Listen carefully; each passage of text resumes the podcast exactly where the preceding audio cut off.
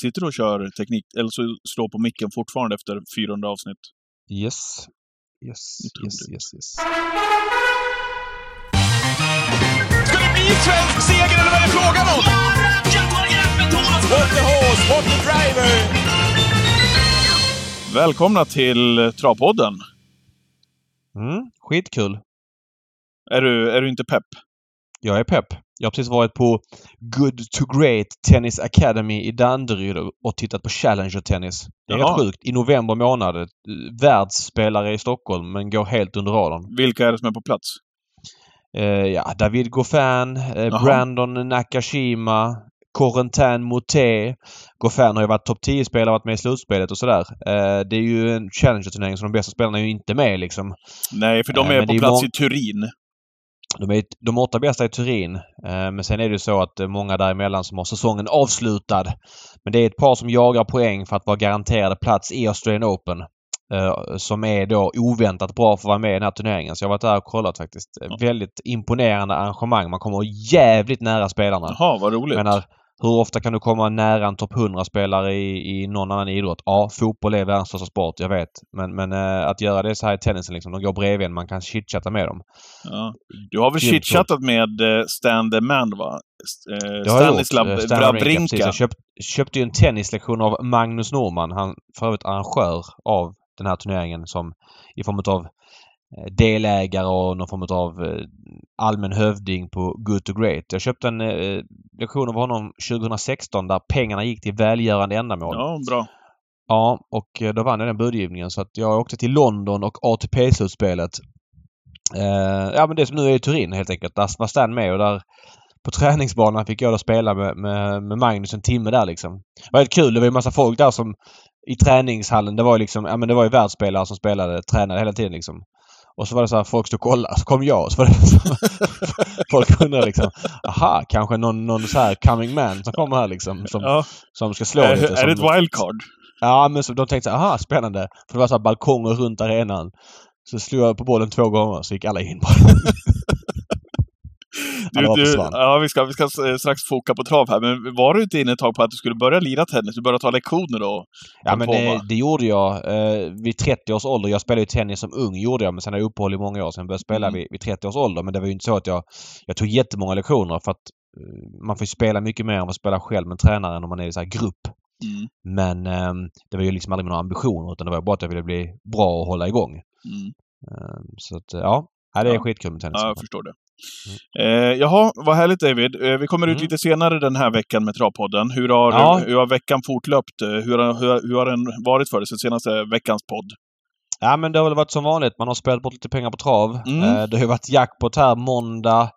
Superjackpot i tisdags på V64. Eh, Sen var det jackpot på V86 igår. Jag är fruktansvärt less på V86. Jag är... Jag älskar skiten. Ja, du gör det. På vintern tycker jag det är så ihåliga lopp eh, år efter år och eh, jag, jag pallar inte plugga åtta lopp. Nu, nu har jag gjort det igår för att det var jackpot då. Det var ju 10 millar extra. Men nej, jag tycker det är för skiktat på vintern och ja, står ju då Ja. över nu framöver. Ja. Om det inte är så att det är jackpot. När vi, när vi ändå har det uppe, vi börjar där då med V86 från igår. Jag satt ju med på ett av systemen, unika systemet på spel och lekkontoret. Eh, Mm. Hade spik på Swish Brodda i sista. Eh, trodde att hon skulle få rygg på ledaren. Nu var det tredje invändigt faktiskt, när Örjan.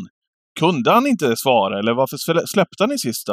Eh, jag tror att han inte kunde. Jag kan inte säga varför Örjan inte skulle svara där. För det första så laddade han ju med, med hästen och hästen har ju inte visat startsamhet tidigare. Eh, Vi pratar som Global Duchess. Ja, favoriten. Ja. Ja, och eh, när han väl kom till spets, varför skulle han ladda då om han vill släppa ledningen? Utan jag, jag tyckte att han försökte svara men kunde helt, helt Nej. enkelt inte när Rickard Skoglund tryckte till bakom Janika. Mm, Eller Jennica. mm. Janika kanske. Ja. Och då fick Swish tredje invändigt, så var det ju rökt. Då var det godnatt för det. Tråkigt för den har gett 120 lax faktiskt. Ja, jag såg det. Men det är bara att ta nya tag nästa vecka. Jag älskar Jag tycker att det är helt underbart. Och som igår, vi hade lite gäster här hemma också. Eh, Mm. Jättetrevligt. Eh, vi, man, man kan sitta och käka titta på V86 eh, liven och bara loppen avlöser varandra. Man, kan, man hinner vara lite social, alla har travintresset, det går undan. Ja, men det, det Du menar, mig. att det inte går, du menar att det inte funkar om det är Nej, men det blir så lång, på långdraget liksom. Nu har man Ja, det men klart. vadå? Det är väl långdraget med åtta lopp om något ju. Nej, en, det är- V6, en V6 är över på två timmar och, och du har tid att prata mellan loppen så att... Eh, Ja. nja, det- det hänger inte med helt vad du menar. Sen att det går fort, ja, men det är en annan sak. Ja. Mm. Nej, jag- toppupplägg. Eh, Det Ja. var, det, egentligen var det väl ingenting som hände i, i övrigt heller. Jag, gjorde- jag gjorde en notering, du gjorde samma. Det var väl Konrad Lugauers irritation på Magnus Djuse när han kom med Jim Baranzon och Magnus svarade sent i Konrads tycke med, eh, vad heter den då? Eh, Jail, Mel, Melby Jail. Ja. Eh, och så fick man se kroppsspråket då från Lugauer. Det, det brann till sista 50. Han satt och pekade att det där gör du inte om igen, det där du gjorde sex, eh, när jag attackerade det där efter 600 meter. Han är ju väldigt hetlevrad, Konrad. Mm. eh, I loppen och en, en väldigt tävlingsmänniska. Det är ju kul att inte alla är kompisar. Så är det ju. Men vet du att det är väl lite uppfriskande ibland att det får vara så Ja men också. så är det ju. Samtidigt vi har pratat man, om det tidigare också. Ja, man kan tycka att det finns ett mått av oproffsighet också. Att liksom i loppet sitta och skrika på en konkurrent när du går förbi. Alltså, en del av mig kan, kan känna det. Men det är klart att eh, jag menar, jag har haft häst hos Konrad. Jag hade Oliver Pilar. Jag tycker att han är en duktig tränare och tycker att han är en friskus. Eh, och, och det är väl kul att inte alla är vänner, att alla inte är likadana, att det kan hända lite oväntade saker. Ja, ja men så är det. Ja, och att det finns den där tävlingsinstinkten i vissa också, där det kan ibland rinna över lite grann. Och blir det inte värre än så där så kan jag tycka att det är fine. Ja men så är det. Konrad ringde upp mig en gång. Eh, han har ringt mig två gånger. Eh, det är typ, typ den enda tränaren som har hört av sig till mig för att jag har sagt saker i liven Jaha. eller i, i TV. Ja. Mm. Ena gången var ju, jag vet inte om du kommer ihåg det här, det var på Åby 2015. Faktiskt den 18 november, så ganska exakt på dagen, åtta år sedan. Eh, då, ehm, det var, då, gick, då möttes Calvin Borrell som han tränade och Denier Viking. Denier Viking var ju enbart stark. Alltså den var ju, den var ju så entaktat stark så det, det var helt sjukt nästan. Kommer du ihåg den? Ja, jag kommer ihåg den. Ja. Och jag kommer ihåg också Stu- högkapable Calvin Borrell. Ja. Stod efter eh, Vikings Way då, Denier Viking. Så möts de på Åby över tre varv. Och då tar Mark Elias ledningen bakom Calvin Borrell. Och svarar ut den, eh, D- Denier Viking och, och liksom, ja men det gick väldigt fort och de två lämnar fältet och eh, istället då för att släppa och försöka slå Denier Viking på speed, för hon var ju bara stark liksom och hänga med. Så svarade han hela vägen och hon manglade ju sönder Calvin Borrell och vann från dödens liksom över, över tre varv. Hon var ju helt sjuk. Mm. Eh, och då så hörde, då, då, då sa jag liksom att jag tyckte det var märkligt kört av Mark Elias som inte släpper ledningen och försöker slå henne på speed. För att, att ta emot henne och köra på styrka, det, det kändes liksom lönlöst. Jag ringde Konrad och var, var han irriterad på mig för att eh, Ja, vad sa han? Han sa att Calvin Borrell, man kunde, man kunde nästan inte vara så stark som Calvin Borrell var och eh, ja. Eh, ja men han sa det ur sitt perspektiv liksom. Han försvarar ju sin son där i Mark liksom. Och det var ju inte så att jag sågade Mark i liven men jag bara tyckte att ja, men jag kanske hade fått en annan utgång om man hade släppt ledningen och kört på speed. Ja. För Calvin Borrell var ju mycket snabbare än Daniel Viking.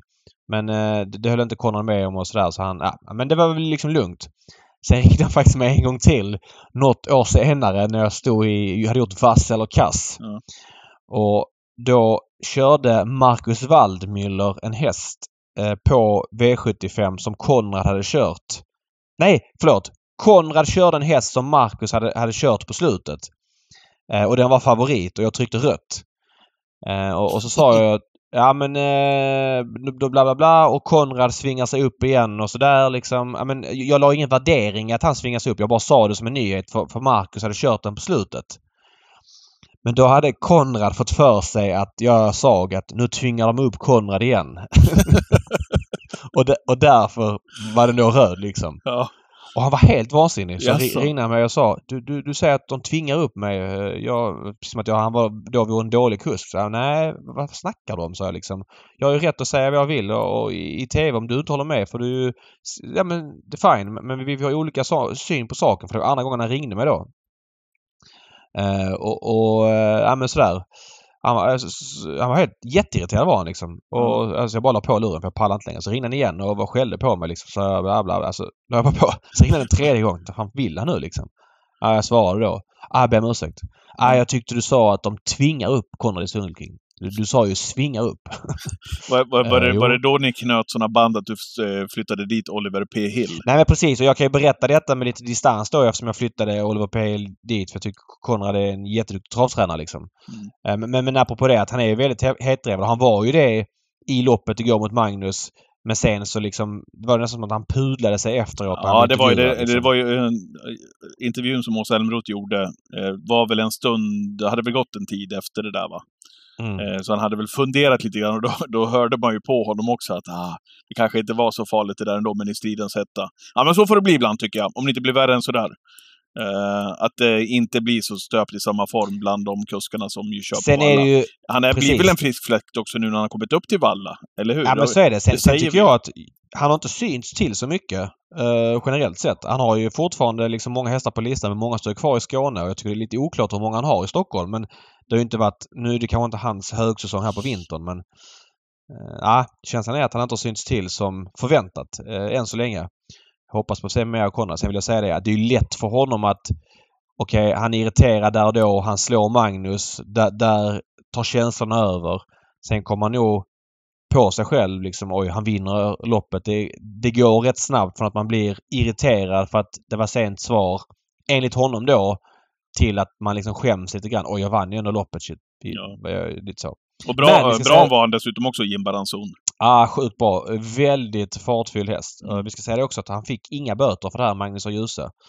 Eh, så att, eh, ja. Det kanske var lite halvsent men det händer ganska ofta i travlopp. Och, eh, det, det, det, är också tur att alla inte är som Konrad för skulle alla skälla för varje gång det blir sent i loppen så vore det ju vore konstigt. Nej men så är det men, väl. Äh, alla, alla, alla är väl inte som Ludvig Colgjini heller. Och det är nej, väl också, precis. Men det är väl helt att men, de men finns där. Uppfriskande att, att kuskarna inte är så bra vänner. Sen måste man ju bara beundra Magnus och Djuse i intervjun efteråt. Han, ja. han liksom bara ryckte på axlarna och tyckte väl ja, kanske var lite sent. Ja, Conor var väl sur. Ja, alltså nästan, ja. nästan skratta liksom. Ja. Eh, det är inte många 22 eller 23-åringar som hade tagit det med en sån axelryckning. Nej, verkligen Som han gjorde. Nej. Så att, eh, ja. Ja, eh, innan vi går in på veckans gäst så måste vi också avhandla att det är färdigtävlat nu eh, vad gäller Calgary Games. Ja, mm. vad, vad eh, känner eh, du kring det här då? Det här är lite intressant för det är en nyhet jag har haft i flera veckor. Eh, jag vet inte om att han har inte tränats på jättelänge. Men fan, och, det, det, det, är väl våra poddlyssnare värda att få ja, men till det, sig? Det är faktiskt kul att säga det. För jag har skrivit upp det varje gång som en grej jag ska ta upp. Jag har glömt bort det. För jag tycker att men skoj, skojar du med mig nu eller? Nej, jag är helt allvarlig. Okej, okay, men tycker du inte att det är en nyhet som borde toppa allt vi har hållit på med? Det är klart det är en nyhet, men, men jag har glömt bort det för att för att uppenbarligen nyhetsvärdet på det här är lågt. Han har inte startat sen Prix Tenor de Born den 15 januari Lågt? Det är ju det är kanske Nej, förlåt, förlåt. Nej, förlåt. Uh, julafton förra året startade han i Prix Tenor de Born. Uh, sen ströks han och Prix Double Chic i år. Ja, vad då menar du att alla har redan tagit det för givet att han ska sluta? Ja. Uh, det menar jag. Uh, därmed inte sagt att det, alltså jag borde såklart sagt det här när jag visste om det, när jag uh, fick höra det här för några veckor sedan. Men, men jag glömde bort det helt enkelt. Mm -hmm. så är det. Ja men det var väl väntat. Alltså det fattar man ju att inte han skulle komma tillbaks. Dels ja, var han ju enormt bra som fyraåring och väldigt maxad där och när man är så populär i aveln som han var efter det, då är det ju en risk nästan med, varje start han var obesegrad och sådär. Nu gjorde man ju ett lopp där han galopperade på en och det är klart att det höjde inte avelsvärdet men det sänkte nog inte så mycket heller för att det var ju bara liksom en start och sådär. Han brände som jättefavorit i Prix Tenor de Born som Horse to Dream vann sen. Mm. Ja. Men det är såklart tråkigt att vi inte fick se honom mer än 11 gånger på tävlingsbanan. Ja. Um, så är det. Helt värdelöst om man ska vara helt ärlig va? Vad sa du? Ja, helt värdelöst om man ska vara helt ärlig. Ja men det är, så är det ju. Uh, skulle, det, skulle all, allting gå åt det här hållet så vore travsporten väldigt mycket tråkigare. Uh, nu har ju Timo Nurmos en väldigt bra treåring i år, eller två stycken bra, men, men uh, kriterievinnaren Femming Glory som han oväntat nog gjorde tog ut till Breeders Crown. Så att det var väl ett litet trendbrott om man får säga då mot hur man tror att det skulle kunna gå om det hade fortsatt liksom på den här inslagna vägen. Mm. Men Our Pride har inte varit ut va? Uh, Our Pride har inte varit ute och han lär inte göra fler starter i år. Nej, Nej. precis så är det. Nej, eh, men som sagt tråkigt väntat, lågt nyhetsvärde. Man har haft det här på känn. Eh, man kommer minnas honom för derbyprestationen i första hand. 11 och 7 från dödens på 2-6. Den är helt brutal den pres- prestationen. Men, men det är klart, Mm. det, Nurmos är ju specialist på just det där att få dem att vara äckligt bra en dag. Och det är ju inte säkert att han hade varit lika bra om han hade fortsatt tävla på framöver. Jag tror inte han hade varit det heller. För att hästarna håller sällan för det. Ehm, nej, Nej. det är min slutsats. Eh, V75 i lördags. Eh, grattis förresten till V75-segern. Jag tror inte att jag har gratulerat dig David. Nej. Jag har bommat det. Jag ber om ursäkt. Jag har ju då en liten del i Perkins så det är inte som att jag liksom... Eh, Nej, men det är kul spelar när han vinner. Ja, det är väl klart. Nej, Eh, han var bra. Han var jättebra. Eh, oväntat startsnabb också här eh, när han spetsade i V76. Så att, eh, han vann på bra sätt. Vilken Eh, dag han hade för övrigt, eh, Danne Wäjersten. Mm, trippel på V7 och eh, då vann han med Dear Friend utanför. Han vann även lopp 12. Eller Örjan vann med en häst som han tränade. Tränar. Mm. Eh, som heter eh, Kentucky Sisu. Så att ja, det var en lyckad femling för Wäjersten. Det är ju starkt att vinna tre lopp på V75 oavsett var det är och när det är. Vet du en sak vad jag försökte göra i lördags? Jag vet inte hur man gör rent tekniskt. Men eh, efter V75s första avdelning så ringde du till mig. Mm. Och eh, jag, jag försökte få igång någon form av eh, att spela in dig alltså, när du Mm. ringer. Mm. Jag måste vilja lära mig hur jag gör det, för jag tänkte att jag hade kunnat bli poddmaterial till den här veckan. Ja, ja. Eh, Men jag lyckades inte få igång grejerna. Men eh, jag har ju känt dig ett tag. Jag tror aldrig Mm. att jag har hört dig så irriterad och arg och förbannad. Nej, men jag var irriterad på mig själv. Ja, Jag det, var- ja, men det är det men- jag vet. Det var ju på dig själv du var förbannad. Ja, ja, nej, nej. Men Du, du, hade, det du hade en utläggning där, där du inte gjorde en konstpaus på fyra minuter. Nej, jag vet. Jag, var, jag kan dra det här lite kort bara. Nej, men så här är det ju att när man spelar V75 och det är jackpot Eh, då, då gillar jag liksom att ett par lopp måste man ta höjd för att det kan hända oväntade saker och det är dyrt att sträcka på i de loppen liksom. Och, och i lopp där det då är ganska jämnstreckat och, och så här fem, fyra, fem sticker ut så gillar jag att chansa bort några av hästarna. För att eh, ja, men få lite stuns i systemet. Jag menar en häst som L.A. Bocco till exempel eller eh, även Comes With Age som var lite mer spelad. De rensar ju inte så mycket. Utan tar jag bort de två istället för att sträcka fem hästar eller, eller sex eller vad jag nu kan sträcka. Då får jag råd med många andra i, lopp där jag kanske har åtta men kan ha tolv istället. Ja, men du, du, brukar, du brukar vara så confident David, när du, för, när du ryker på de här för att det är ställningstagande du har gjort. Ja, men det var, det, och- det var och- och- där jag men- inte kände igen dig riktigt. Ja men precis och ställningstagandet. Eh, ja men jag, jag brottades med mig själv hela dagen för att jag, jag var så här. Det här var ju loppet där, där spelarna hade verkligen... Det var ett skiktat lopp ju och där många tog liksom de fem spelade. Och så gjorde man inte så mycket mer med det. Eh, men, men jag ville då gå kort så brottades jag vilka jag skulle ta och det var ju då liksom Hipster Army jag betalade för. Eh, trolig ledare som jag såg det. Eh, lopp i kroppen. Hade funkat bra med lopp i kroppen tidigare. Ah, sämst trygg ledaren. Eh, Ja men eh, Mm. på väg uppåt i form. Filippa Beji, jänkarvagn var det va, första gången. Eh, har visat bra form länge. Skulle kunna komma till ledningen och sådär. Eh, och sen så betalade jag även för Hannibal Face. Ett lopp i kroppen i Björns regi var ju bra i debuten för Goop. Mm. Även om han liksom... Han var bättre än vad han ser ut att vara. Han var ju slagen redan tidigt men höll ganska bra hela Ja, vägen. Och var nära Hipster Am som då fick bra, bättre betyg i mål. Så jag gick på de tre bara. Och så dissade jag då bland annat L.A. Boko. Och Weirsten låg ju lågt med honom i samtliga intervjuer och framförallt sa han när han slog på bakskor att hästen är missgynnad av det. Det innebär ju inte att Weirsten säger att hästen inte kan vinna och så vidare. Och jag blev irriterad på mig själv för att det där snöfallet som tilltog ganska mycket precis innan V75 började gjorde ju att Ja men en häst som Filippa B känns ju som att hon inte gynnas av det. Det är en liten ballerina som gör det väldigt bra när hon springer med bakom bra hästar men kanske inte är den mest stridslystna. Nu fanns det i boken att banan kunde bli okej, alltså innan tävlingarna börjar. Okej, hon kommer till ledningen, hon får dämpa, hon kan rinna undan. Därför blir hon ett tidsstreck. Dessutom då jänkarvagn första gången som var intressant. Men så fort jag, jag liksom Ja men fem minuter innan loppet går, då har jag lämnat in det och säger bara att nej, det här, det här kommer att bli skit. Jag bara kände hur det växte i, i mig. Eh, och. Bocco är en häst som kommit extremt fel på under året. Han kostade mig en miljon när han vann i, i, i Boden i Just somras. det. Ja. Eh, och Daniel också ganska lågt med honom. Och man fattar ju besluten själva. Man, man, man vill ju att tränarna ska vara ärliga, säga vad de tycker, så man tolkar själv. Och Eli Bocco är då uppenbarligen inget träningslejon. Eh, och, och, ja, men, men det innebär ju inte att han inte kan vinna på V7 och han ska ha sina lopp. Det ska vara i främre träffen. Sen ser det ju bättre ut än vad det är när han plockar ner en livlös Filippa BJ och... Som, som väl vägrade att vinna va? Ja, och Hipster Am sitter fast med rubbet. Och Hannibal Face och Comes With Age galopperar. Ja, men då, resten var ju nollprocentare så det är klart att de är akterseglade. Men jag var bara så irriterad på mig själv för jag, jag, jag tappade som feeling för Filippa BI och, och, kände att det här loppet kommer ha fler ingredienser. Jag bara, kände det. Så var jag irriterad efter första. Att jag kommer fel på den jä jäkla, ursäkta uttrycket, hästen igen då som jag gjorde. Nu gav ju inte V75 så mycket och, och sådär. Men, men jag var ju ännu mer irriterad efter andra för jag hade ju den här eldtekno tidigt ju. Men sen blev det ju favoritparad mer eller mindre så det var, ja. var ju inte hela världen. Men, men jag var riktigt irriterad i första på grund av det. Ja. Men återigen, ingen skugga ska falla över Daniel Wäjersten. Han gör ju Nej, det man säger, han förmedlar en känsla och berättar vad han tycker. Det är ju inte som att han säger att han inte ska vinna. Sen säger de någon, ja men han kör fram i döden så vinner på 11,5. Jo men banan var ju uppenbarligen inte så långsam. Nej och sen, och sen är, han väl, ja, men, är han väl bäst med tätkänning oavsett. Han är bäst med tätkänning. Daniel säger alltid, allt, det är ledningen eller döden sådär. Och så mm. var det ett gäng nollprocentare i andra spår liksom. Så det var bara att köra framåt. Så att, jag var irriterad på mig själv att jag gjorde det valet för att eh, trots att det, det förstärktes så det blev bakskor på Elie Boko. Men ja, ja, så är det. Men det, det, det, tycker jag är viktigt också, att vi är tydliga med vad vi, vad vi känner kring den där frågan. Hellre det att Daniel Wäjersten säger vad han tror, vad gäller de här. Och sen är det precis som du säger att spelarna själva får göra bedömningen sen.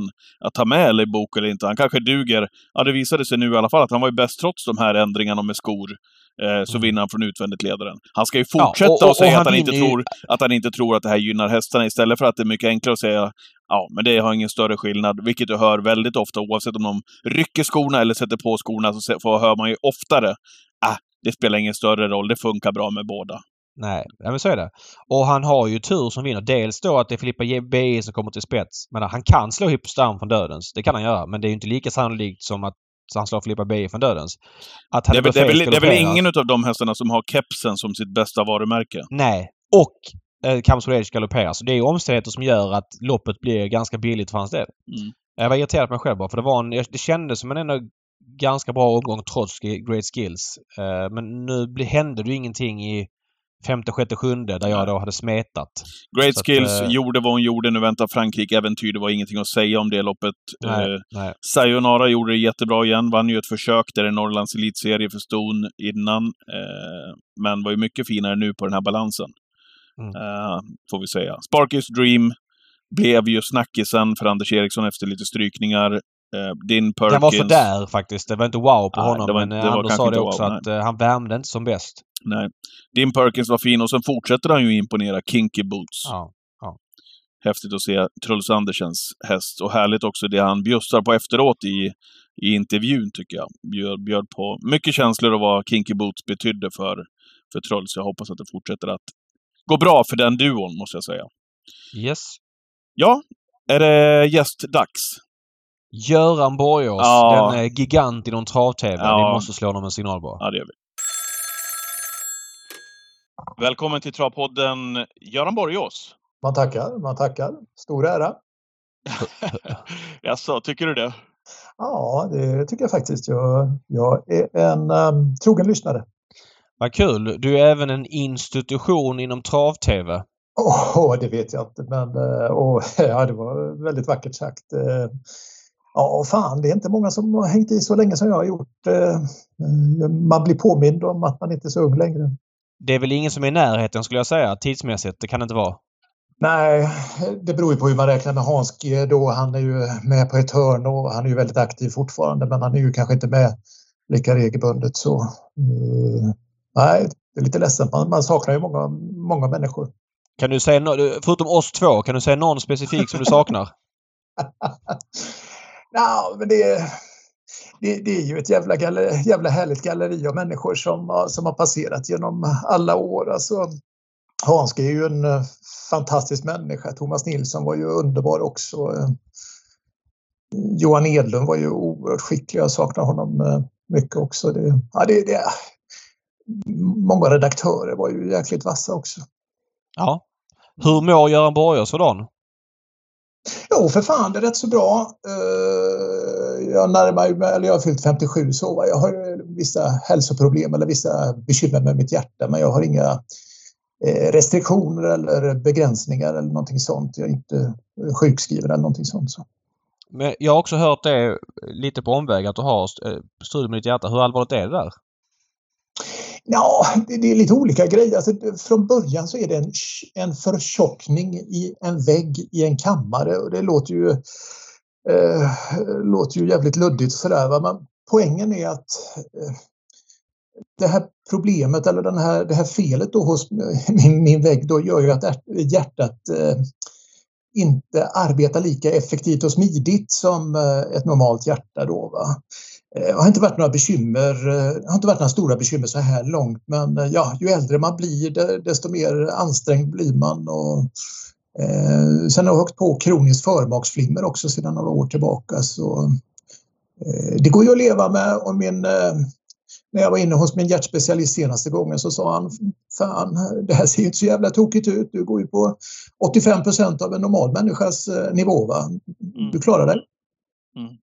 Ja. Eh, men eh, du, du, du, känner liksom att du kan jobba på liksom utan att behöva sitta och vara orolig för det där? Att du liksom orkar, orkar ja, i den inget, meningen?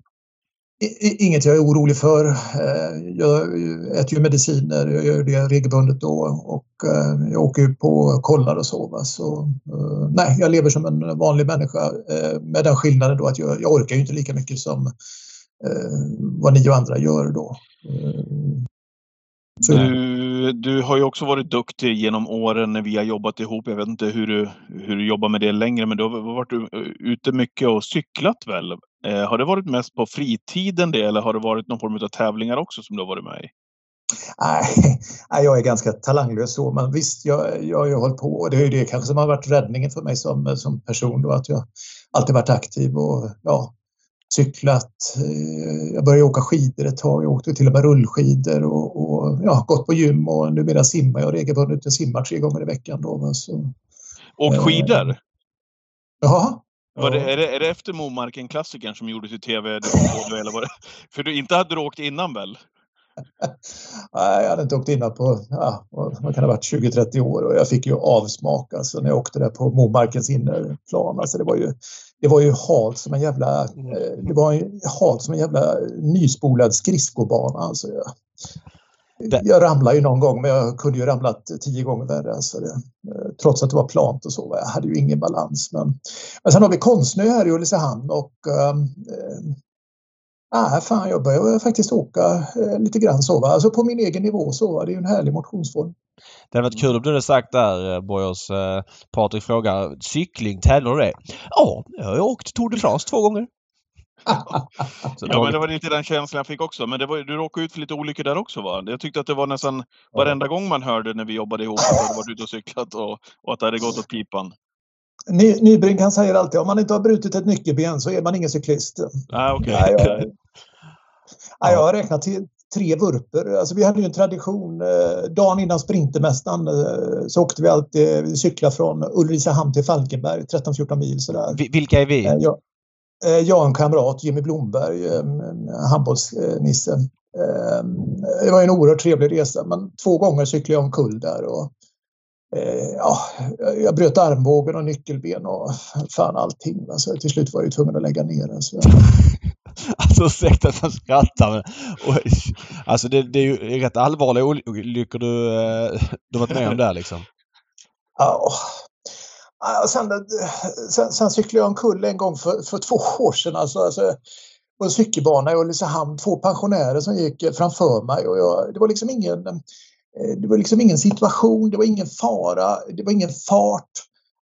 Um, och jag eh, plingade på min ringklocka för att väcka deras uppmärksamhet då, så jag skulle kunna komma förbi då. Va? Och de hörde fan ingenting. Jag plingade en gång till, ingen reaktion. Jag skulle plinga en tredje gång och då började jag bli lite, nu höll jag ju på att köra på dem då. Va? Och så när jag försöker nå ringklockan en tredje gång, alltså på något vänster så, så lyckas jag göra, jag tappar balansen, ramlar över styret, gör en volt och slår mig halvt fördärvad. Alltså, det var ju Åh herregud alltså. Jag tror du säger David, men det är inte meningen att skratta Göran. Du får inte ta det så. Men alltså det är, att du gör det så ofta, alltså, det är helt otroligt. Det är något, något form av rekord. Ja, man, man, man känner sig som en elefant, elefant i en porslinsbutik. Men, men, men var det inte någon gång du, du hade någon ryggsäck på dig eller någon väska så cyklade du så fastnade med, med den väskan i något elskåp eller något sånt och du ramlade av cykeln? Ja, det också. Ja, det är hemskt. Det är hemskt. Ja. Var, Ja, ja, var det mass, mass, massäcken då, eller vad var det du hade med dig? Ja, ja, alltså det var ju minst lika mycket utflykt som cykel. Alltså det var ju massor av eh, godbitar och läckerheter i, i ryggsäcken. Alltså det var ju, eller i, i väskan. Så. Ja, vi ska inte fastna i cykeleriet mer. Ehm, du jobbar med... Du har ju fler travdagar än de flesta människorna men ändå bor du ganska långt ifrån en travbana. Du bor i Ulricehamn jag vet inte vad som är närmst. Är det Axevalla? Hur många mil är det? Eh, ja, det är väl 8-9 mil. Vaggeryd är min närmaste travbana. Det är så alltså? Vaggeryd närmast och sen kommer Axvalla och sen Åby. Och hur kommer det sig att du bor i Ulricehamn när man ändå är så mycket på trav som du är? Nej, det kan man ju fråga sig. Men jag har ju vuxit upp här och har min familj och jag trivs rätt bra i, i lilla Ulricehamn. Det, det är fridfullt. Hur blev du travintresserad en gång i tiden? Eh, Jag följde med en eh, arbetskamrat, på, jag jobbade på posten då eh, och det fanns en arbetskamrat eller näst- nästan ett gäng då som var travintresserade och följde med till Axevalla och eh, ah, jag blev biten från första början. Det ja, härlig miljö och härliga människor. Mm. Och eh, din karriär inom trav-tv, hur började den en gång i tiden? Jag har ju en bakgrund eh, som journalist, jobbat på Ulricehamns tidning och framförallt Borås tidning i massa roller så jag är ju journalistiskt eh, inriktad då. Va? Eh, sen började jag, jag fick möjligheten att eh, börja räffa på Axvalla. Eh, och det var ju en stor glädje. Eh, och sen skickade jag på vinst eller förlust en, en eh, kassett till, till OTV Mm. som då hade ATGs uppdrag att stå för travsändningarna. Vilket år är det här nu ungefär? Ja, när fasen kan det vara? Det måste ju vara någon gång på 90-talet då förstås. Sen, sent 90. Jag tror TV bildades 96. Så att efter det Ja. då. Ja, precis. precis. Eh, Det var, eh, Kanal 75 hade ju liksom inte... Nej, Kanal 75 Ja. bildades 2000. Det fanns inte då. Nej. Nej, precis, precis. Eh, Så det var ju liksom, det låg ju under ATGs pa- paraply då på något sätt. Men, men jag skickade den här kassetten då på torsdagen och sen på fredag morgon så ringde Anders Abenius på, på OTV och frågade när kan du börja? Så jäkla roligt att I- du säger att du skickar Ja, en kassett ja, men också, det- Göran. För det, det Ja, men i sann OTV-anda också att göra så. Att ringa och, och bara liksom ha feeling att den här killen kan ju det här. Vi kör direkt liksom. Ja, ja, ja. Och, och, och det i, i samband med det har du, fick du referera i, i trav-tv och har gjort i princip eh, med andra roller också sen dess. ja, ja, ja. Så det har ju varit en, det har varit en rolig resa. Vad, ehm, dina bästa minnen? Du menar, vi pratar sent 90, det är 2023 nu. Vi pratar 25-26 år alltså. Ja. Ja, det, det allra roligaste det var ju när man började på OTV. Alltså det var ju fan, det var ju en sketen jävla källarlokal och det var ju anskrävliga utrymme. Men det, var ändå, det rådde ju en slags nybyggaranda. Alltså det var ju en, en entusiasm, en glädje, en passion. Ehm, de hade fått det här uppdraget från ATG då och de, eh, ah, de, de eh, glödde ju av entusiasm. Det var ju på den här tiden, det fanns ju inte så jäkla mycket TV utan de flesta de kom ju från tidningsvärlden då. Va? Eh, och så skulle de då försöka göra TV då. Va? Det var ju inte alltid som det slog väl ut men de hade ju alltid en tanke, ett försök och eh, det var ett kul tänk för fantastiska människor. Bodde du ett tag där i Stockholm under de här åren eller hur var det? Eller du pendlade? Ja, det, det var ju det som var skit. Eh, Jag, jag hittade ju aldrig en, eh, en bra och en fast bostad i Stockholm. Eh, De ville, de ville prompt att jag skulle flytta till Stockholm då. Jag hittade ingen bostad. Det blev ju en konflikt så vi separerade ju faktiskt ett tag där. Så jag flyttade Men tillbaka. du och OTV separerade? Ja, ja. Okej. okej. Eh, Eh, så jag flyttade tillbaka till eh, Ulricehamn, började på Borås Tidning som nyhetschef och eh, vad, händer då? Jo, då ringer Niklas Andersson och, och då, har de, då har kanal 75 kommit igång. Och han undrar om jag är intresserad av att börja jobba med, med lunch, lunchtravet, Dagens Rätt då va? Som skulle börja. Så, är det typ 2001 skulle jag säga att vi är på. Ja, men det är det. Det stämmer. Ja. Början 2000 det. Ja, ja. Så det var ju, ah, det var ju tursamt och tillfälligheter och så. Okej, okay, så du hade ett break det där något år mellan OTV och Kanal 75-tiden? Ja. Sen var det... Jag vantrivdes på, på Borås Tidning och var nyhetschef. Alltså det var rolig, det var ingen rolig atmosfär. Och det, var inte, det, det, är inte alls lika roligt som i travets värld. Det var travets värld eh, mer lustfyllt, mer spännande och ja, mer, mer roligt på många sätt. Det är ju det väldigt, var, väldigt många roliga människor som eh, ja, dras till ja. Eh, spel och trav överlag. Jag har ju bland, i min bekantskapskrets idag Ja, de bästa vännerna är ju de som håller på med spel och är eller travintresserade på någon vänster. Alltså Eh, ja, folk ja. som inte har det intresset. Jag vet inte. Folk är väldigt bjussiga som är spelare och, ja. och, och eh, man tar det som det kommer och det är högt i tak. Och, nej, jag vet inte. Det är, man har någon... Jag läste, jag tror det var Jan Timonen som sa det någon gång att man har något... Spelare har någon, något ämne i hjärnan för mycket av det liksom. Men det, och det är säkert inte bra eh, på många sätt men det finns många härliga egenskaper som följer med där också liksom. Ja, jag är den första att hålla med. Det, det, finns säkert den motsvarigheten, alltså du vet om man tittar på golfvärlden eller skidvärlden, alltså du vet den här passionen, det här engagemanget, eh, den här glädjen. Men mm. det är så jäkla påtagligt inom eh, travet och spelet och, och, och så. Travsändningarna som de är idag Göran, eh, visst att de var så även förr den här tiden som du berättade då, att de var liksom inramade men det var på ett annat sätt då med kanske lite friare tyglar och så vidare. Det jag tror att många som sitter och följer trav-tv-sändningarna nu och då får en känsla av när de, när de lyssnar och tittar på dig att du, har, du är väldigt seriös, vilket du är. Men du har ju också en sida som kanske inte kommer fram så ofta i tvn, just det här som du nämner nu med, med glädjen, humorn, eh, när det jobbas med omtagningar och sådana saker så har du väldigt nära till skrattet. Är det en bra beskrivning tycker du, som kanske inte kommer fram till, till den stora massan? ja. ja, men det, det, gläder ju mig att du ser det så. En glimt i ögat är ju alltid viktigt tycker jag. Eh, det tror jag är värdefullt. Det tror jag eh, alla uppskattar, eh, även tv-tittare. Men, men ni, ni två har ju en sändning på Åby är det va? En sån här kväll, TV4 Plus-sändning 21.30. Vi hade, en, vi hade en i Gävle också. Det ligger väl något klipp ute tror jag på den. Ja, men alltså där, där ni garvar alltså så mycket. Ni kan inte ta om och ni bara skrattar Alltså jag garvar så mycket åt det här klippet. Kan ni, kan ni bara berätta på en minut vad som hände där? Det är ju, ja, göra, fin, var, var göra... finns klippet att se? Finns det på Youtube eller? Så, eller? Nej, jag fick det faktiskt skickat till mig här för, vad kan det vara, ett halvår sedan. Jag vet inte var det kan ligga, om det ligger på Youtube eller Okej, okay. vi, vi, gör så här. I, när den här podden är ute, då ser jag till så att det här finns på Youtube. Så att du skickar det till Johan Dahl så lägger han upp det på Gambling Cabins Youtube, okej? Okay? Funkar det? Du okay. har det så? ja, okej. Ja. ja.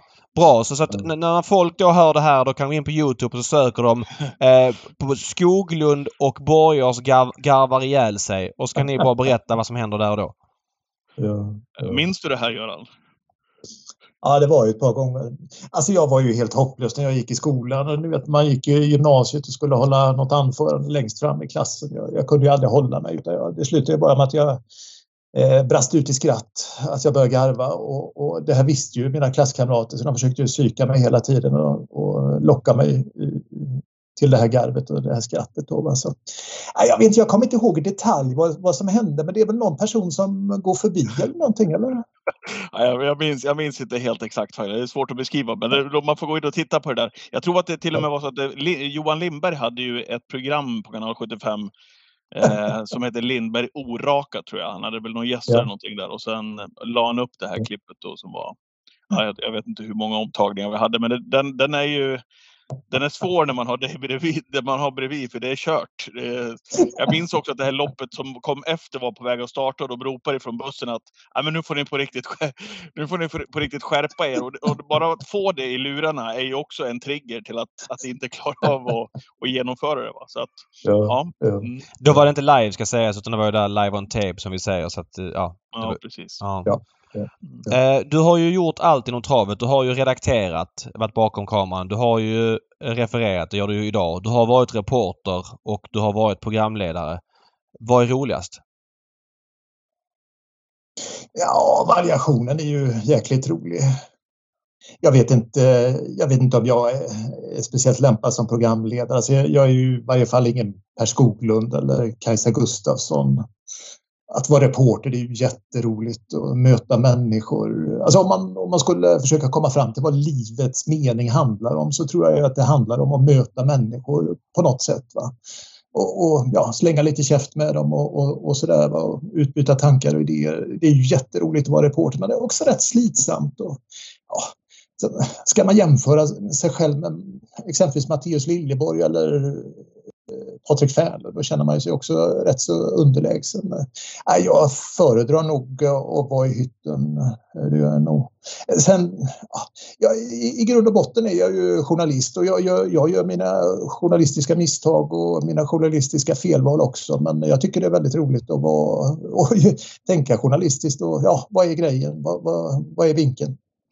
Du har ju alltid genom alla år varit extremt påläst. Alltså du har ju, dels är du väldigt intresserad av trav eh, och, och, spel så du förstår den dynamiken eh, ja, men exceptionellt bra. Egentligen för bra nästan för att vara programledare för du kan ju i många fall mer än vad experten kan. Jag har ju stått i en studio med dig eh, och, och, så säger man att man spikar Mr Vox från bakspår och så säger du eh, 0 av 9 från bakspår, Neves.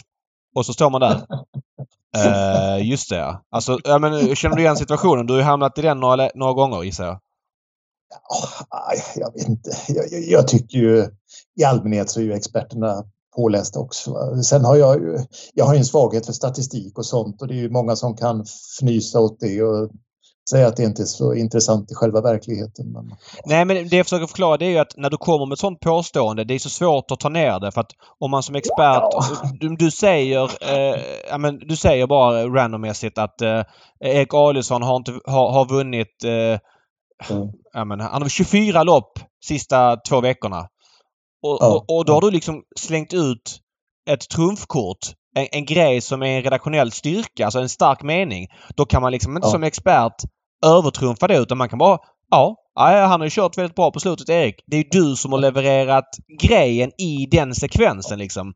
Utan för, att, för, att, man som expert ska ta vidare när du säger Erik Adolfsson har vunnit med eh, har vunnit 24 lopp på, på, två veckor. Då måste jag säga ja. Och det är åt 24 olika tränare. Fattar du? För att man som liksom expert ska kunna vara med på tåget. Men, men du kommer med så stark information och stark statistik i många lägen att man som expert liksom bara oj, shit, vad ska jag säga nu? Eh, jag kan inte fylla i här liksom. Utan ja, mm, får man säga då ibland liksom eller någonting. Ja. Ah, jag vet inte, jag, jag, jag, har liksom ingen eh, ambition att sätta dit någon expert eller så. Nej, men, det, förstår, liksom det förstår jag. resonemanget eh, ja. på något sätt. Alltså, jag, jag, är ju svag för siffror och fakta. Ibland är det roligt, ibland leder det någonstans. Ibland kanske det blir till en återvändsgränd. Jag vet inte, du är ju gammal kommentator eh, Patrik och jobbat mycket i, i den rollen också. Jag vet inte hur du ser på det. Nej men precis, det är väl det är väl en, det är väl en balans som, som du ska ha med, med den som du sitter med. Och, och jag kunde väl tycka, i alla fall ur mitt perspektiv och mitt sätt att se på det, så, var, så jobbade jag lite olika beroende på vem man satt med också. Man, ja. Där också experterna hade olika sorters egenskaper. Och, ja. ja det är väl en balans att känna av vem, vem man sitter med oavsett om du kommenterar ja. hockey eller fotboll eller friidrott eller vad det nu kan vara. Så, så är ju ofta experterna också på, på lite olika sätt och så är det väl inom travet också, tänker jag. Det är ju, om man tänker hur det var för exempelvis 20 år sedan så finns det ju en, det finns ju en rikare, det finns ju en rikare guldgruva nu, eller en rikare gruva i varje fall med, med information. Va? Mm. Där man kan hämta olika uppgifter. Eh, ja, ibland kan det ju vara mindre intressanta saker. Ibland kan det vara mer eh, betydelsebärande saker också. Mm. Det är lite lättare att plocka fram stoff idag. Sen kan jag tycka, alltså siffror och statistik i all ära, det finns ju ingenting som är bättre än, ja, ni vet historien av kött och blod. Alltså, ni vet historien där hästen var utdömd och sen kom tillbaka. Alltså det är ju, allt vad man vill, det är ju egentligen bara att roa eller oroa tittaren på något sätt. Glasögonhästen Home Alone eller Blocket-hästen Food Money och så vidare. Ja, det är ju enkla formuleringar som, som lyfter hela upplevelsen, tror jag. Eh, och ditt jobb som travintresserad har ju lett in dig på andra banor. Eh, det var ju några år när TV4 visade franska ligan i fotboll. Ligue 1 som den heter. Så blev du, eh, ja men hur var det? Du blev tillfrågad om att kommentera och gjorde detta under en period och eh, ja, jag som under den perioden är fortfarande, men då var jag mycket inne på fotbollsforum och så vidare. Det är väldigt sällan en, en, en ny kommentator får så mycket beröm som du fick eh, när du kommenterade franska ligan. Det var många av de nördarna som beskrev dig som väldigt påläst. Jag menar att, att, att komma... Visst, du kanske var fotbollsintresserad men att veta vänsterbacken i Guingamp, vad han har för egenskaper eller högeryttern i Nantes. Det gjorde dig väldigt populär som jag uppfattade i, i de kretsarna. Hur ser du på den tiden och det uppdraget? Eh, oj, jag hade faktiskt ingen aning om att uh, jag fick plus för det. Uh, det var ju jäkligt roligt. Det var ju, jag fick en möjlighet att göra något annat. Det var ju tack vare Johan Edlund och tack vare Emir Osman Begovic uh, som då var ansvarig på, på TV4 de hade behov av kommentatorer. Eh, det var fransk fotboll och även italiensk eh, fotboll i första hand då. Gjorde även någon spansk och lite svenska superettamatcher och så. Eh, det var ju jätteroligt att göra någonting annat, något nytt och, och eh, trav är kul. Men frågan är om inte fotboll är ännu roligare tycker jag. Eller minst lika roligt i varje fall. Eh, så, så eh, och jag kände ju också att jag fick någon yrkesmässig utveckling utveckling på något sätt. Eh, Stimulans. Det fanns ju nya. Ja, mm. verkligen. Det var oerhört inspirerande och kul. Jag höll ju på med det två, tre säsonger sen. Eh, sen tappade de rättigheter och de var tvungna att ge de matcher som de hade kvar till andra eh, kontraktsbundna kommentatorer då. Eh, så jag fick ju avsluta det och sen, ja, det är ju jäkligt svårt att kombinera både trav och fotboll. Det, det, det har blivit jobb, slitsamt i, i slutändan.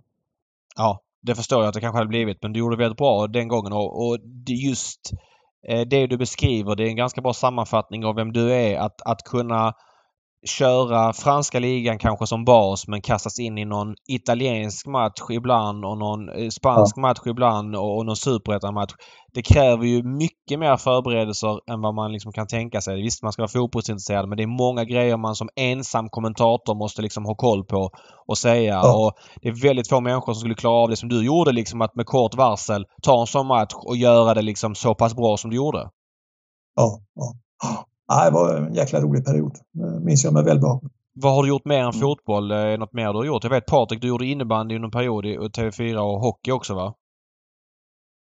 Mm, innebandy nästan, ja drygt tio år tror jag faktiskt innan det var klart. Eh, det var faktiskt jag och Johan Edlund som skulle eh, turas om, var sagt ifrån TV4. Vi ska köra varannan måndag. Eh, jag, börj eh, jag började, sen var det dags för Johans tur och då tror jag att han blev sjuk eller om han hade ett annat uppdrag som han hade åt TV4. Så då fick jag också köra andra måndagen. Och sen var det då min tur på den tredje måndagen på innebandyn och sen eh, jag hade kört och blev tredje och sa Johan, men inte lika bra. Det är inte lika bra att du kör alla måndagar istället. Det var, tio, det var, det var tio år. Eh, och så var det ju hockeyn parallellt då i, ja vad kan det vara, fem, sex, sju år någonting kanske. Ja. Hur var det att göra innebandy? Det går ju så jäkla fort. Ja, och framförallt så var det ju lite, ehm, det var ju lite revolutionerande också när, när vi kom in där. Eh, innebandy som inte alls hade uppmärksammats på det sättet i alla fall. Där man har sänt, de har plockat ut en match i, i varje omgång. Och sen hade vi också, som det alltid är, kan jag tycka, eller ofta i alla fall, när man, när man kommer in med nya produktioner så vill du också gärna uppfinna hjulet igen. Så jag kommer ihåg att vi satte eh, kameran på kortsidan för att det inte skulle vara, du får den där känslan, precis som du säger, med, med, med en långsidig kamera som, som svajar fram och tillbaka. Utan satte man den på kortsidan så um, fick man ju då på det viset nästan ha Ja, men det blev ju nästan så att kameramannen knappt behövde jobba utan man fick ju hela banan som i tennis ungefär.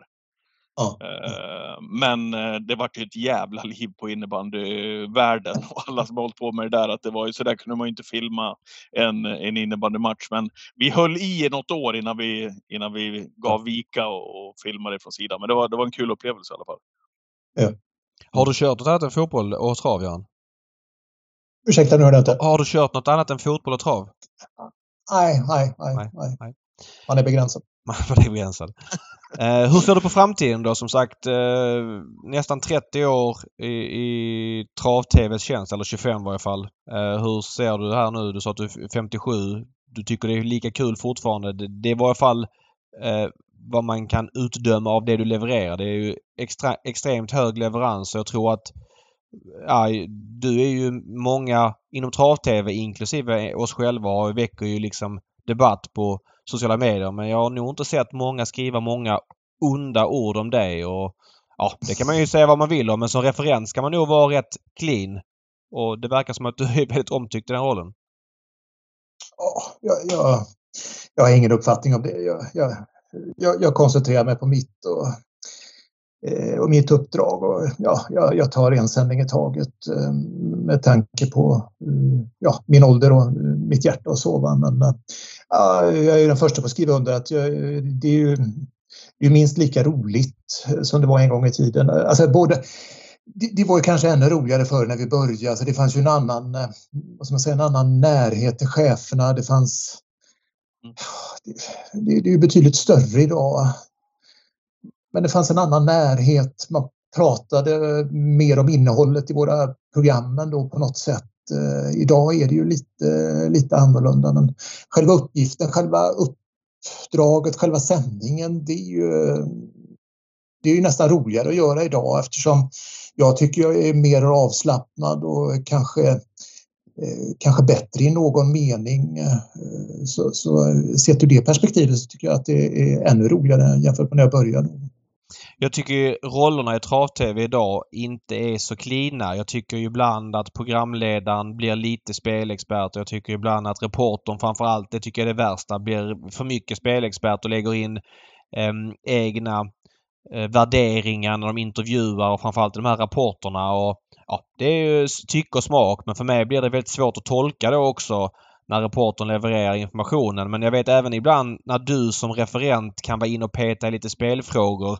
Eh, och det tycker jag det blir lite, lite spännande. Till exempel, men Elin, eller vad säger vi, men typ en, en onsdagssändning, det ni gör i liven innan tv-sändningen när ni bollar igenom loppen så kan du säga till, till Elin jag har ingen feeling för den där. Det har han inte stangerat. Liksom att du själv har den kollen vilket är väldigt härligt. Då blir det ju en härlig interagering mellan dig och experten tycker jag. För att då har inte du börjat referera och är referent ännu så att säga. Nej, nej, nej. nej jag håller med dig. Alltså, per Skoglund, han är ju, han skulle kunna vara inte bara programledare, han skulle kunna vara expert, reporter och kommentator. Han älskar ju trav kanske mer än någon annan. Han är ju ofta minst lika bra expert som, som experterna och ibland kanske han spelar, eh, anv- eh, ja, tar bollen eh, i för många lägen. Men han är ju fantastisk eh, och glider över gränserna. Och, eh, gränserna behöver kanske inte alltid vara exakta. Matteus han gör ju alla möjliga fel. Alltså, han förvandlas ju som du påpekar också till en spelexpert emellanåt. Men han gör ju det med bravur också, med, med, alltid med charm. Eh, hur, hur ofta har han inte hittat de där storskrällarna som ingen annan har hittat? Nej och ju- det var ju liksom sagt ingen kritik mot någon specifik utan det är mer liksom ett Nej. resonemang att eh, Ja, vi- vissa roller går in för mycket i varandra eh, för, för Ja. att det journalistiska ska kännas hundraprocentigt.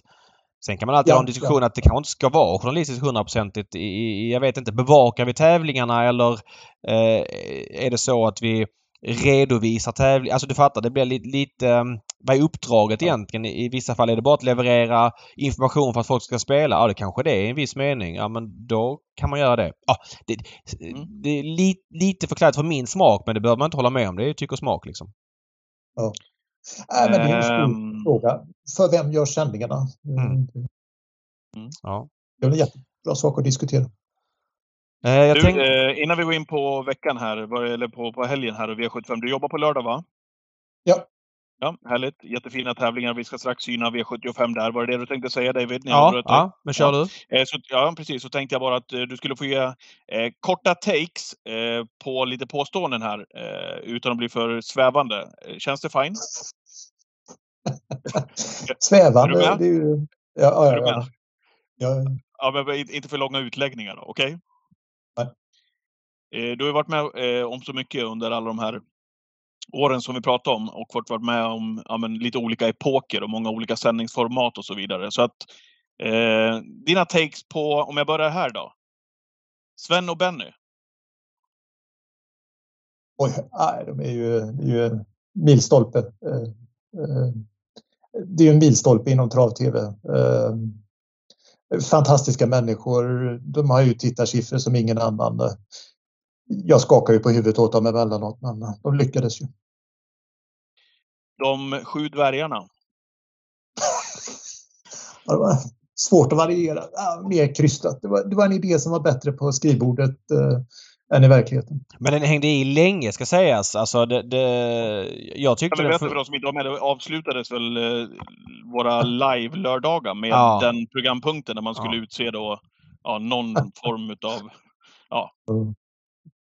Någon Ja. av de här dvärgarna, Glader, Butter och så vidare. Ja. Eh, vad, vad, vad, vad, vad sa du David? De hängde i ja. Ja men de hängde i. Alltså de var med rätt länge ju.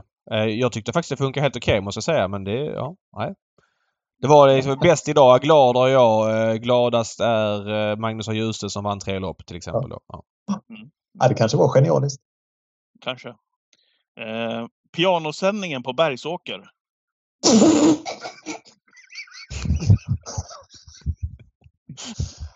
Ja. Vad, vad sa du nu? Piano? Ja du menar Fredagsflex? Ja, var det så det hette? Fredagsflex var på Dannero väl?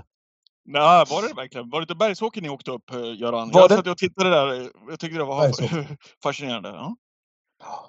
Nej, det, det, det enda positiva man kan säga om det, alltså det var ju ett försök, det var ju ett syfte att försöka bredda och få in fler intressenter. Men, ja, Lyckades ni då, eller? Nej, det tror jag inte. Det, det gick ju ett Nej. eftermiddagslopp på fredagar typ, vad kan det varit, 17.55 med fredagsflex. Fredagsflex var väl en form av trio och ni flög ju upp ett helt gäng från Stockholm till Sundsvall för att göra liksom ett lopp.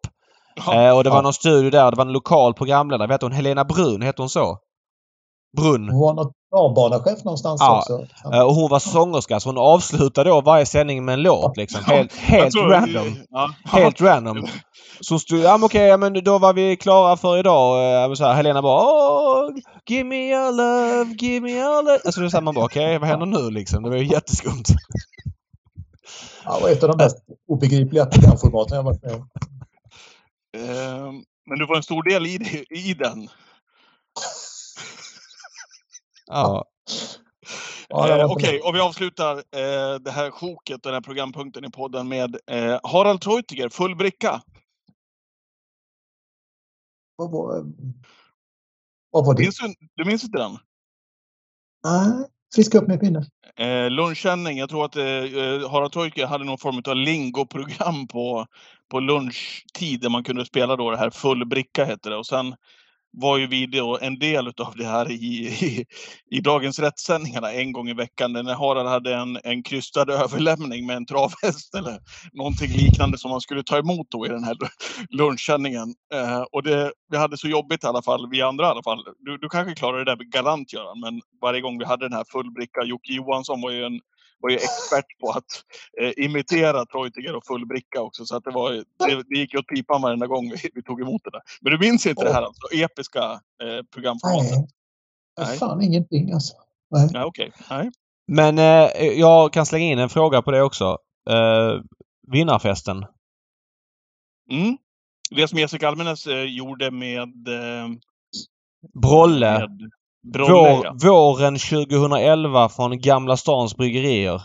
ja, också ett Ja. eh, programformat. Ja. Du var ju där och reffa live några gånger men du kanske inte hade så mycket åsikt om programmet?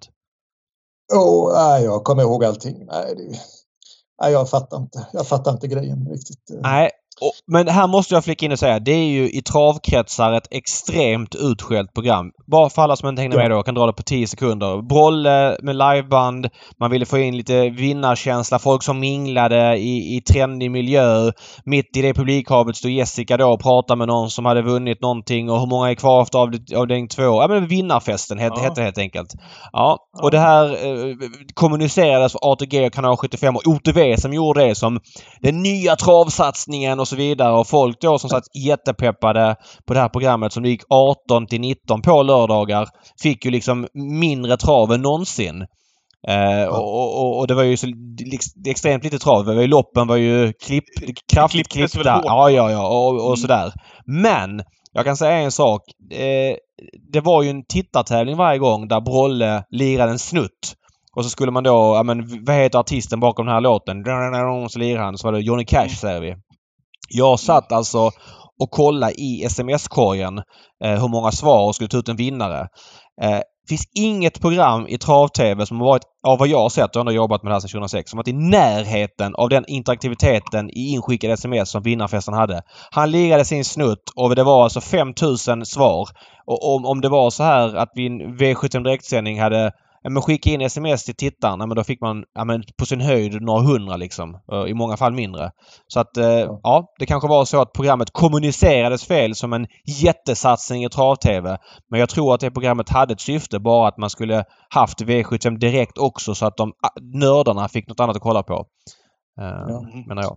Mm. Ja, mm. eh, sidospår. Eh, men vad härligt att få, att få lite, mm, få lite tillbaka, tillbaka blickar. Full bricka. Den landar sådär hos Borgås. Full bricka. Ja, men det, det, han förträngt det tror jag. Jag, ja. jag. jag, hoppas att de andra gamla kollegorna känner igen sig i det formatet. Det var en klassiker. Ja. Det, var, det var mycket som gick åt musikhållet där ju eh, ett tag. Ja. Det här som du beskriver nu med Brolle, eh, det var det här pianoprogrammet, Fredagslex. Eh, vi hade väl också på onsdagarna trubaduren va, som lirade för kuskar som hade torskat och eh, vunnit eh, efter, efter V86-loppen. Kommer du ihåg det? Uh, vilket minne du har! Mm. Trubaduren gled fram då till Stig när han hade torskat. Stig det gör ingenting att du har torskat. Du okay. kommer igen. Nej, det var så jävla bra. Fullständigt uh, briljant. Um, V75 på lördag på Sundbyholm, Eskilstuna. Vi kan vara ganska rappa i det här. Första tanken. Eh, det är ändå torsdag men jag ska börja plugga mer rejält imorgon. Grym omgång spontant. Eh, er spontana tanke när ni ser eh, startlistan till V751. Favorit just nu. Ett Comes With Age i sin gulddebut. Mm. Ja, det är ovanligt profilfattig gulddivision. Ändå tycker jag att eh, det är en ovanligt rolig gulddivision. Jag vågar knappt eh, ta bort någon, höll jag på att säga. Det är en start som är oerhört avgörande. Eh, många startsnabba. Jag undrar om det inte kan gynna bakspårshästarna till och med. I första hand 10 Phoenix Photo. Ja, men Phoenix Photo var um, grym på Bergsåker i lördags. Och jag hörde faktiskt i Spelvärldens podd eh, Jesus där han sa att han hade, var väl obesegrad med täta starter tror jag. 2-2. Eh, 2-2 precis. Så att eh, absolut håller med om Phoenix Foto. Helt och hållet ska bli minusgrader på lördag också snackas det om. Jag vet inte om det blir med barfotakörning och så vidare. Det känns inte som att det är samma USP att köra barfota i varje fall. Eh, Comes with age var länge sedan han visade form så att nej, honom tror jag inte så mycket på alls måste jag säga dun dunderintryck på Dark Roadster. Visserligen i enklare gäng senast på Romme. Det var väldigt passande lopp, men jag var på plats där och eh, han gick 11-8 voltstart. Jag hoppas faktiskt att Ida eh, Ristere som kör tar en lite lugnare start, biken på igen, så att hon inte ger sig in i någon strid eh, den första biten mot Comes With Age och Chapuis och fler som vill vara med. Utan att hon kanske eh, tar det lite lugnt, får en position som tvåa, trea i andra spår då tror jag att han visslar ner de här faktiskt, Dark Roadster. Så som intrycket har varit här de senaste tiden. Mm. Mm. V752 eh, final i Breeders Crown för treåriga hingstar av Wallacker. Favorit 5 Fame and Glory. Nu då anmäld barfota runt om. Göran, vad säger du här? Det är ju, det pratas ju ofta om att det skräller ofta i de här British Crown-loppen. Jag tittade på statistiken på de fem senaste åren. Det är faktiskt ingen vinnare som har gett eh, över tio gånger pengarna. Eh, var det gällande treåringar och fyraåringar då. Eh, det är en enda vinnare som har gett över sju gånger. Ja. Mm. Mm. Så det... Jag vet inte riktigt jag vet inte riktigt vad det tyder på, att eh, det är större klassklyftor i årgångsloppen eller att eh, kulttopparna har stabiliserats på något sätt. Jag, jag tycker ju att Fame and Glory eh, är, är, ju i, är ju en given favorit och vinner inte han så måste ju tre Borsa Diablo vinna. Mm. Hur vinner Fame and Glory då? Tyckte de var bra senast? Nej, men han var väl lite nedsatt av någon förkylning då. Eh, alltså det intrycket från kriteriet, eh, det, det, det är svårt att glömma tycker jag.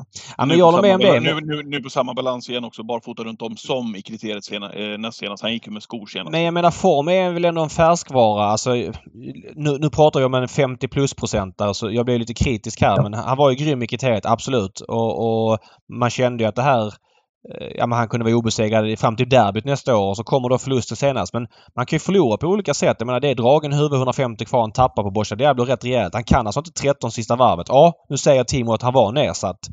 Men jag menar, ska han då studsa tillbaks på två veckor, vara frisk helt plötsligt igen då och, och vinna det här mest troligt från dödens? Alltså, ja, jag ser syn.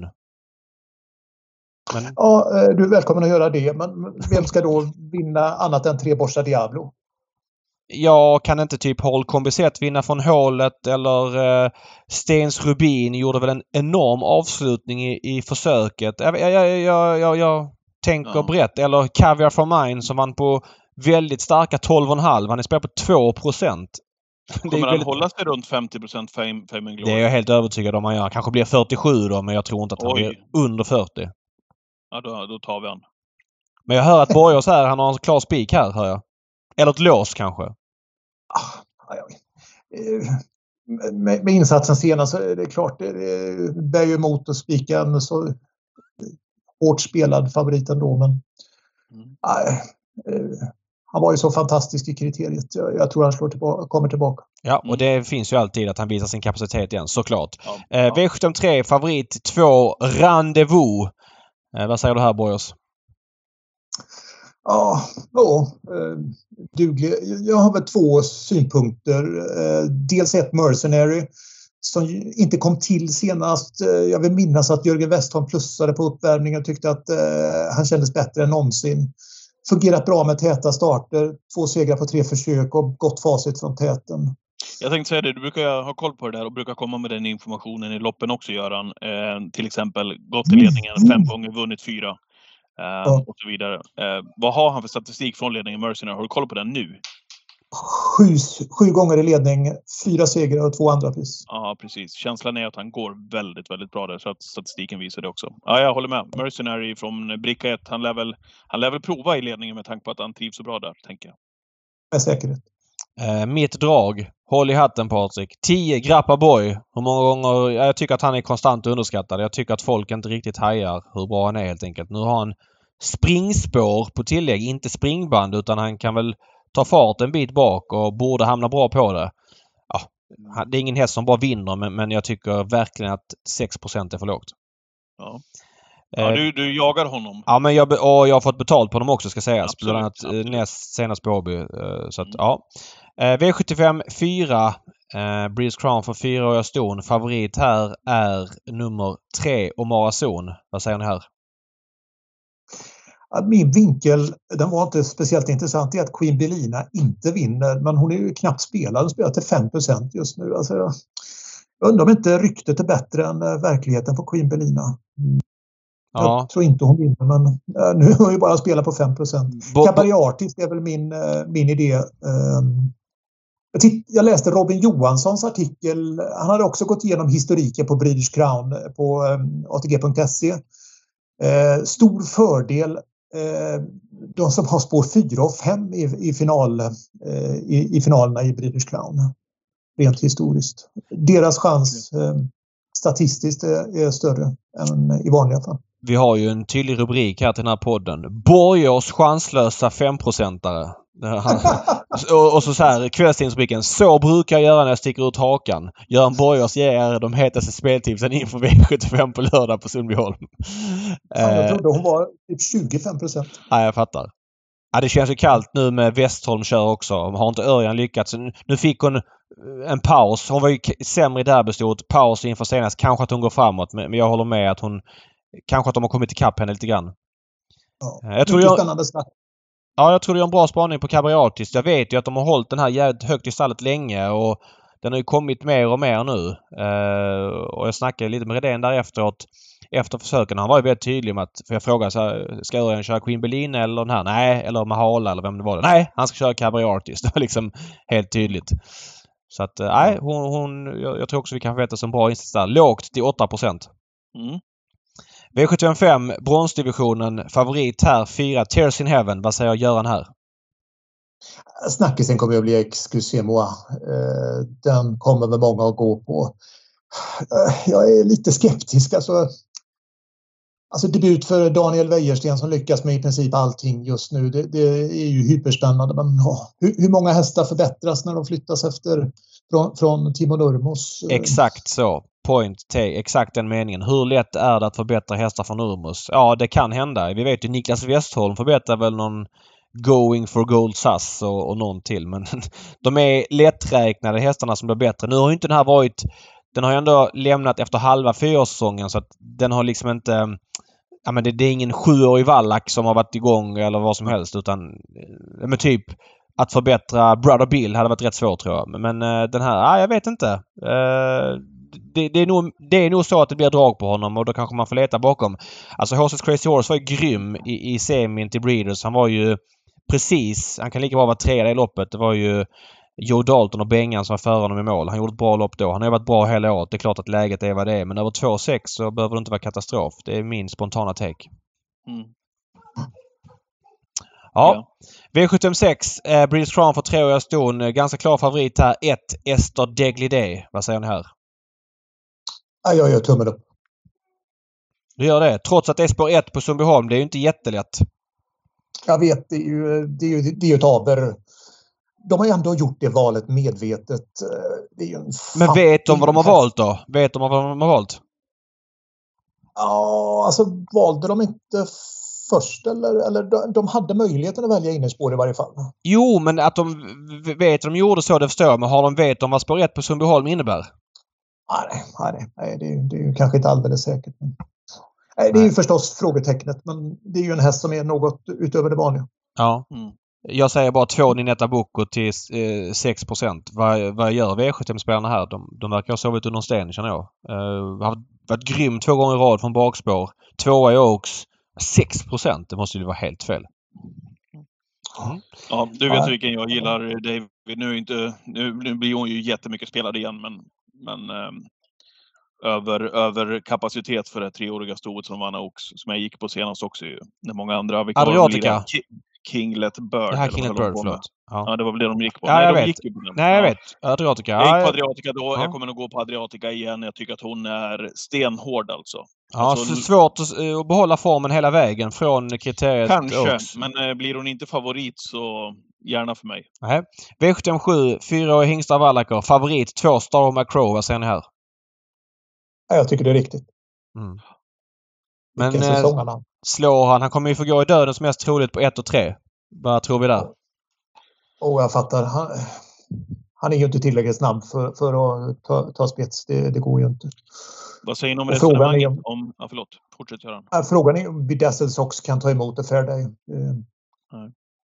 Nej, det, Men det, eh, vad säger ni om resonemanget? Senast så fick ju Miro Boko Star McCrow över sig ehm, och faller ju med flaggan i topp. En Miro Boko anmäld barfota runt om, kanske ytterligare en växel. Sitta som tvåa, trea i andra spår i det här racet.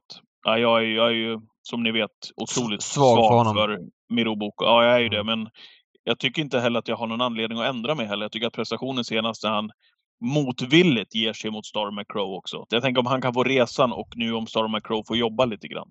11 procent måste väl ändå vara tidigt va? Ja, jag vet inte. Jag tror den är för grön spontant. Men det är, man vill inte dissa...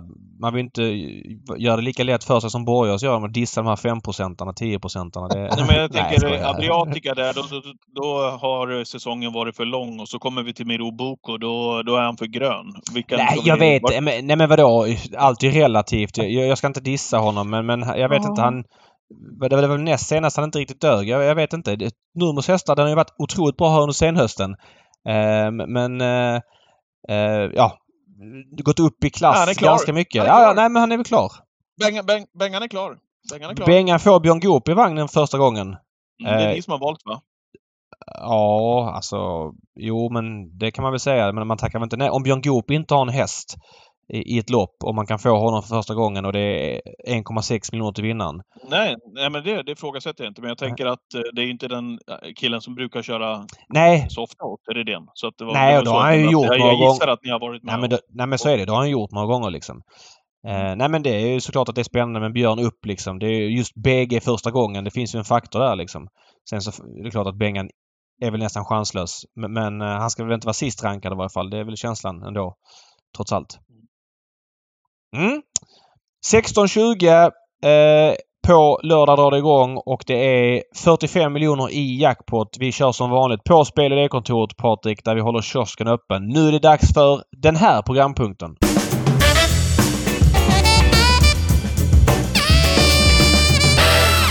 Så nu kör vi vignett. Du Ja, tar men den. jag har ingen hiss. Eh, Kan Göran hjälpa mig med en hiss? Ja, men någonting fram någonting. senaste veckan? Ja, ja. Vi värper Det- någonting Göran Ja. tillsammans. Vad ska det vara då? Ja, men ni hittar inte. Vi kör, vi kör, vi värper. ja, veckans hiss och diss är här. Härlig på David. Eh, du ska dissa och jag och Borgås ska hissa. Hur ska Hallå? det gå? Ja, hur ska det gå? David? Borgås kom med den briljanta idén. Vi kör Wäjersten. Varsågoda, lägg ut texten mina herrar. Ja, men det, det är du som ska dissa först. Ja, förlåt. Det är dissen först. Just det, förlåt. Eh, jag dissar. I lördags på V75 så eh, var det några grejer som, eller utanför V75 som känns lite, lite trista tävlingsmässigt. Eh, Stoeliten i november på Bergsåker? Frågetecken. Jag messade faktiskt Mattias Stenby som är propositionsskrivare i Svensk Travsport, eller för Svensk Travsport och frågade hur man tänkte där. Och då sa han att ja, den här stoeliten brukar ligga under Sundbyholms Breeders Crown tävlingar som numera är framflyttade men eftersom man komprimerade den från två dagar till en så försvann det lite lopp. Och enligt Stenby så fanns det ganska många ston i hög klass i regionen eh, Stockholm, Gävle, Sundsvall. Så därför la man det här. Men med facit i hand som jag nu har när jag kan såga det här så blev det inte bra. Det var ju Dear Friend mot ingenting och det var ju hästar som hade tjänat halv miljon som var med i det där loppet. Spontant kändes det också tufft på förhand att få till en vettig storelit i november på Bergsåker. Så att det var ingen grej som funkade tycker jag. Jag kan även slänga in en sak till. Monteloppet i lördags, V41.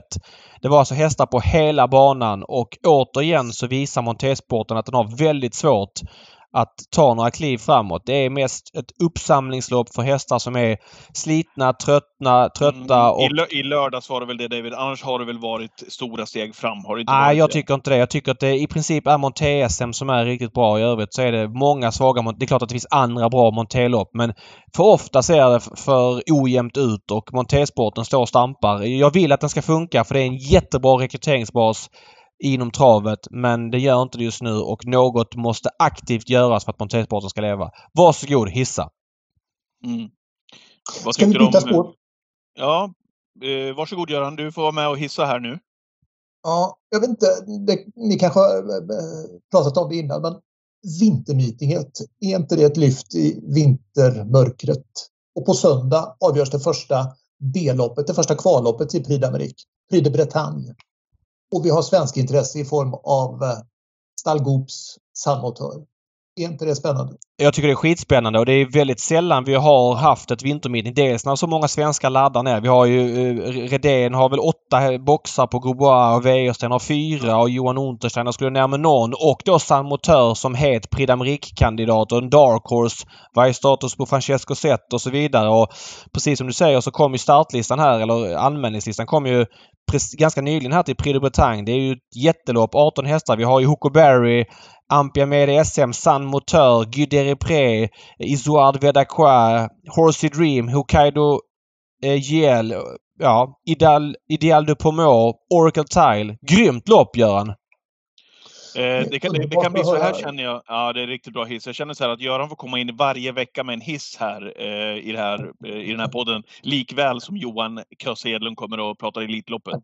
Mm. Det får bli ett stående inslag helt Vi ringer in Göran för...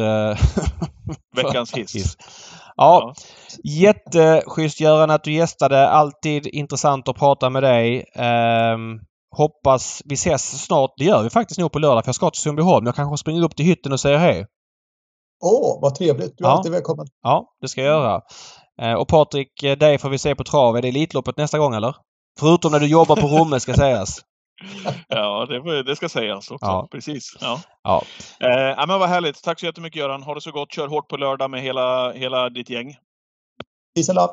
Ja, vi hörs då. Tack, tack. tack. Hej. Bra. Hej. Hej.